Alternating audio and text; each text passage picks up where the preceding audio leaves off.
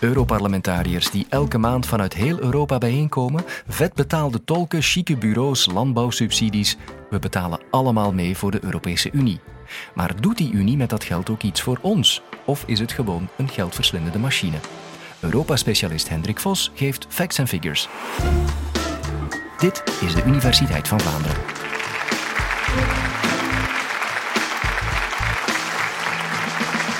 Het geld van Europa. Gevoelig onderwerp. Hè? Ehm, is er iemand die weet hoeveel dat de Belgische overheid, of alle overheden in België samen, hoeveel dat die per jaar ongeveer uitgeven? Budget waarmee dat de Belgische overheden werken. Een ruwe gok. Niks? Nul? Nee, het is meer dan nul. Hoeveel? Uh, nee, het is veel meer. Het is, veel meer. Het is uh, een goede 200 miljard. Ongeveer 209 miljard euro geven de, de Belgische overheden uit op jaarbasis. Um, in Groot-Brittannië bijvoorbeeld geven ze ongeveer 1000 miljard uit op jaarbasis. De Fransen, dat zit zo om en bij de kleine 1200 uh, miljard euro. De Duitsers die geven meer dan 1300 miljard euro uit. Dus dat is ongeveer de, de grote orde. En dus België een, een, een, een goede 200 miljard euro per jaar. Um, en de Europese Unie, die dus gaat over 28 staten, 500 miljoen, uh, ruim 500 miljoen mensen. Hoe, uh, hoe zal dat budget in elkaar zitten?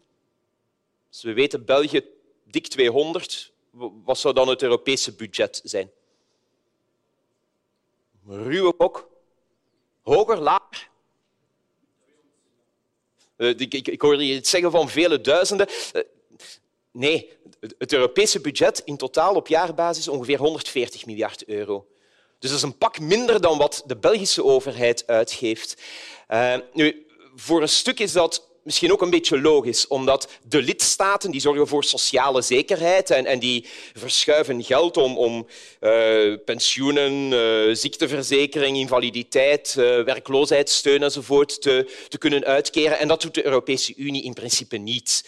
Ehm, daardoor geven lidstaten op jaarbasis zo ongeveer ja, tussen de 35 en de 60 procent van hun bbp, dus hun bruto binnenlands product, hun totale welvaart, geven zij uit uh, als overheidsuitgaven, terwijl dat voor de Europese Unie maar ongeveer 1 procent is.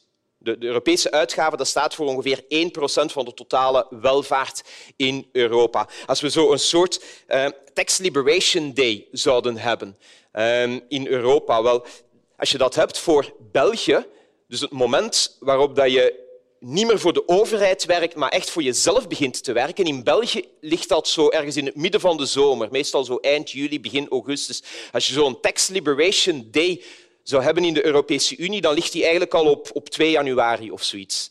Uh, dus het budget van de Europese Unie is sowieso heel klein naar verhouding vergelijk je met wat de lidstaten uitgeven. Nu, waar komt dat Europese geld dan vandaan? Wel, er zijn een aantal inkomstenbronnen voor die Europese Unie, maar het belangrijkste is eigenlijk gewoon een soort lidgeld. Elke lidstaat geeft een bijdrage afhankelijk van zijn eigen welvaart. Voor België komt dat ongeveer neer op ongeveer 112 euro per jaar per Belg. Dus daar komt het vandaan, lidgeld in de eerste plaats.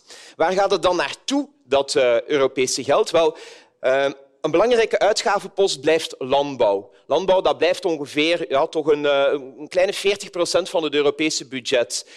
Um, het is zo dat als je geen Europese landbouwuitgaven meer zou hebben, dan zouden eigenlijk de meeste landbouwbedrijven in Europa vermoedelijk over kop gaan. En dan zouden wij voor voedsel heel sterk afhankelijk worden ook van ja, de grote plantages op plekken in de wereld waar wij eigenlijk heel weinig pak op hebben. Latijns-Amerika, Australië, Nieuw-Zeeland, Azië enzovoort. Zij kunnen heel efficiënt op heel grote schaal voedsel produceren, maar zij besteden minder aandacht over het algemeen aan een aantal dingen die wij in Europa dan weer wel belangrijk vinden. In Europa zijn wij kritischer tegenover GGO's. We willen dat pesticiden toch eh, goed in de gaten gehouden worden over het algemeen.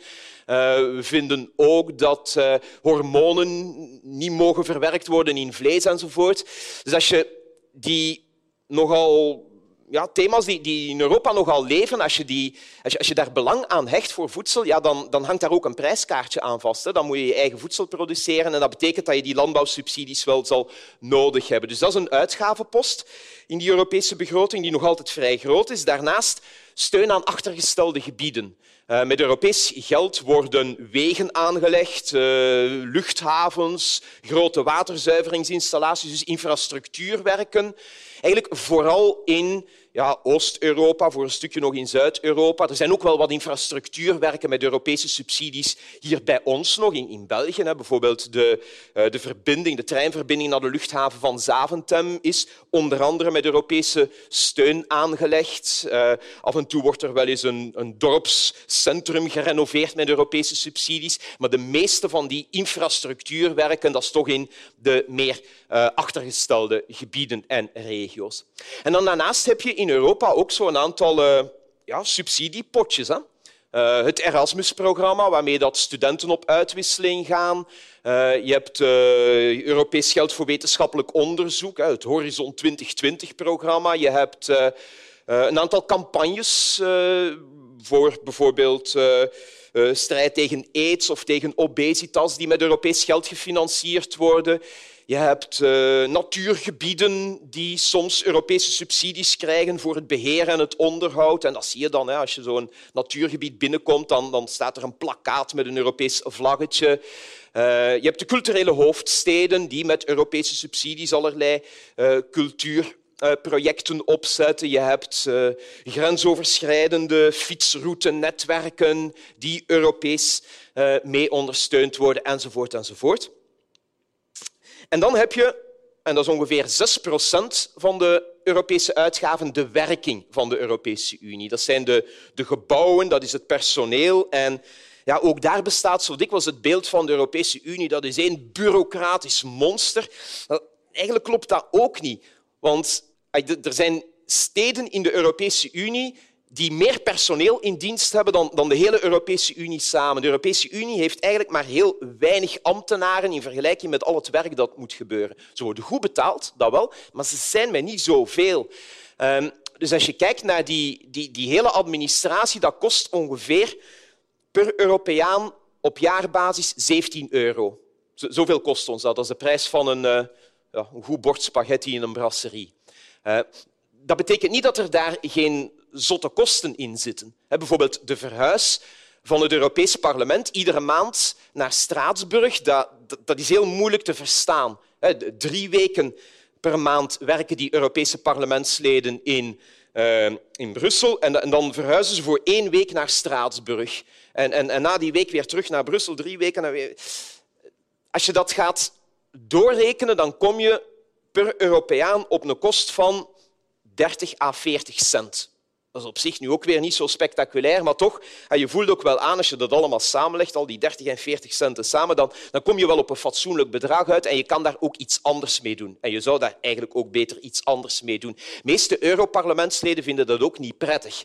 Uh, telkens uh, alles inpakken, verhuizen enzovoort. Uh, het is ook niet goed voor het klimaat, het is tijdverlies enzovoort. Maar dat zijn van die afspraken ja, die liggen dan vast in de Europese verdragen of, of in een protocol dat dan gehecht is aan de Europese verdragen. En dat staat eigenlijk bijna in, ja, in de Bijbel van de Europese samenwerking. En die Bijbel die kan je maar veranderen als alle lidstaten het ermee eens zijn. En ja, daar, daar, daar moet je geen tekeningetje bij maken. Hè. De, de, de Fransen zien dat niet zitten om Straatsburg los te laten en het Europees Parlement permanent in Brussel te laten vergaderen. Want ja, Straatsburg leeft en bruist op het moment dat het Europees Parlement daar is. Dan zijn al die parlementairen daar, hun medewerkers, daar komen journalisten naartoe, daar komen lobbyisten naartoe. En Straatsburg in, die week is een heel bruisende stad. De, de drie weken daarnaast is Straatsburg veel ja, veel, veel, veel doodser. Daar gebeurt niet zo geweldig veel in die drie weken. En, en hun economische ja, omzet draaien zij net op, op de ene week dat het Europese parlement daar zit. Daarbuiten is, is Straatsburg een stad zoals... Uh, oh, of zoiets, of, of, of misschien zijn er mensen uit Eeklo, uh, of, of Dist of Tine, weet, weet, ik veel, maar, maar, maar niet echt een... Uh... Dus, dus, voor Frankrijk is dat belangrijk en Frankrijk blokkeert dat dan. Uh, dat, dat, dat, is vervelend en, en, dat is jammer en, en, en, dat is inderdaad een, ja, een bron van ergernis bij, bij nogal wat mensen en ja, ook niet helemaal onterecht. Goed, we, we weten nu waar het Europese geld vandaan komt en we, we weten ongeveer hoe dat besteed wordt. Hoe gaan dan de discussies als er over dat budget moet beslist worden? Wel, ja, het zijn centenkwesties, dus iedereen zit daar met zijn rekenmachine. Van hoeveel geef ik aan de Europese Unie en hoeveel krijgen wij als lidstaat terug van die Europese Unie? Nu, eigenlijk, zo'n discussie met de rekenmachine is niet helemaal fair. Het is zelfs een beetje onnozel. Want stel dat er bijvoorbeeld in het budget steun is voorzien om wegen aan te leggen in Polen. Wel, dat kan goed zijn dat wij daar in België ook wel iets aan hebben. Bijvoorbeeld dat Belgische bedrijven mee worden ingeschakeld om die wegen daar aan te leggen.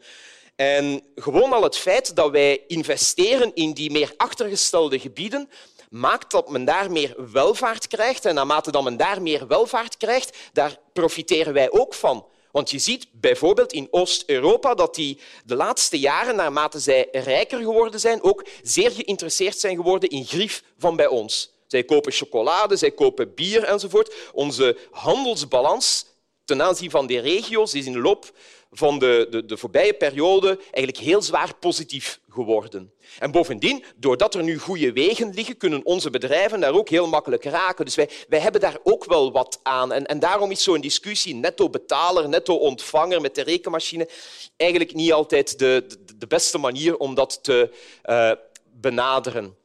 Uh, Bovendien um, zou je dat soort van discussie kunnen oplossen als je met één echte Europese belasting zou kunnen werken. Als je bijvoorbeeld zou zeggen van we gaan niet meer uh, werken met lidgelden, maar we gaan zorgen dat er een, een soort Europese, zeg maar iets, een milieubelasting zou zijn. Of een Europese tax op uh, kapitaalverkeer, een, een Europese Tobin-tax, die dan rechtstreeks in de Europese uh, schatkist toekomt. Uh, op die manier zou je vermijden dat er zo ja, van, van die centenkwesties gaan spelen tussen lidstaten. Maar de, de lidstaten willen dat eigenlijk niet omdat als Europa echt het recht zou hebben om eigen belastingen te heffen, dan ja, neigt Europa zo aan naar een superstaat. En, en, daar zijn de meeste landen wat, wat, bang van. En ze willen eigenlijk zelf de knip op de portefeuille houden.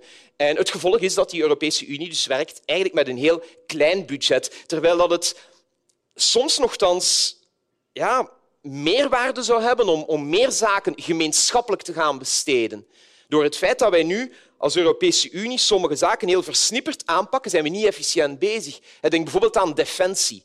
Um, wij hebben in de Europese Unie op dit moment 28 aparte defensiebudgetjes. Iedere lidstaat zijn budgetje. We hebben bij wijze van spreken in de Europese Unie 28 landmachtjes, 28 zeemachtjes, 28 luchtmachtjes, 28 uh, muziekkapellen, noem maar op. En dat is natuurlijk niet efficiënt. Wij, wij geven, als je alle budgetten zou optellen, ongeveer de helft uit van wat de Amerikanen aan defensie uitgeven. Maar wij halen maar ongeveer 10 à 15 procent van de effectiviteit van de Amerikanen. En dat komt omdat wij zo versnipperd bezig zijn. Daardoor kunnen wij eigenlijk geen grote uitgaven doen. Bijvoorbeeld, ik heb daar zelf niet zoveel verstand van, maar het schijnt als je tegenwoordig op een beetje een, een, een serieuze manier oorlog wil voeren, dan heb je uh, vliegtuigen nodig die elkaar in de lucht kunnen bijtanken. Uh, ik heb daar op YouTube zo eens een filmpje van gezien. Dat is best spectaculair. Het vliegtuig is aan het vliegen, dan komt daar ineens een slurf uit. Dan komt een ander vliegtuig daaraan en, en, en tankt bij. Die slurf weer weg, dat andere vliegtuig weer weg. Heel indrukwekkend. Maar als Europese Unie, er is eigenlijk geen enkele lidstaat dat zich dat soort van materiaal kan veroorloven. Of, we hebben wel een paar van dat soort van vliegtuigen, maar het zijn niet echt de beste die er bestaan. Het zijn vliegtuigen van Aldi. Uh, terwijl de Amerikanen die hebben één budget. Die hebben niet zo 28 aparte budgetjes. En met dat ene Amerikaanse budget, ja, zij, zij kunnen dat wel inpassen, uiteraard. En, en, op die manier zijn zij efficiënter dan wij. Wat doen wij in Europa? Wij kopen wat we kunnen betalen in onze aparte budgetjes. Bijvoorbeeld rupsvoertuigen en tanks. tank is niet zo duur. Als we hier zouden samenleggen, we zouden een tank kunnen kopen, denk ik. Uh, maar, maar, ja, in Europa hebben we nu heel veel tanks en, en rupsvoertuigen, maar, maar, dat is niet meer de manier waarop wij in, Euro, waarop we in de toekomst oorlogen zullen kunnen gaan voeren. Dus soms zou zo een Europees besteden euro zelfs veel meer efficiënt zijn dan de nationaal besteden euro's. Dus als je ja, terugkomt bij die vraag, is die Europese Unie een geldverslindende machine? Wel, ja, natuurlijk, als er 140 miljard wordt besteed, dan, dan zal er hier en daar wel wat gemorst worden. En sommige dingen zijn moeilijk te verantwoorden, bijvoorbeeld Straatsburg. Eh, maar op andere vlakken maakt dat Europese budget dan weer wel het verschil en zou het zelfs nog veel meer verschil kunnen maken als het wat groter zou zijn. Maar ja, de impact van de Europese Unie zit echt niet zozeer in het feit dat wij met geld schuiven. De impact van de Europese Unie zit in het feit dat wij één markt zijn en dat we samen regels afspreken. Niet zozeer in het herverdelen van budgetten. Daarvoor is dat budget gewoon veel te klein. Vond je deze podcast interessant? Check dan op universiteitvandvlaanderen.be welke video's je nog meer kan bekijken en beluisteren. thank you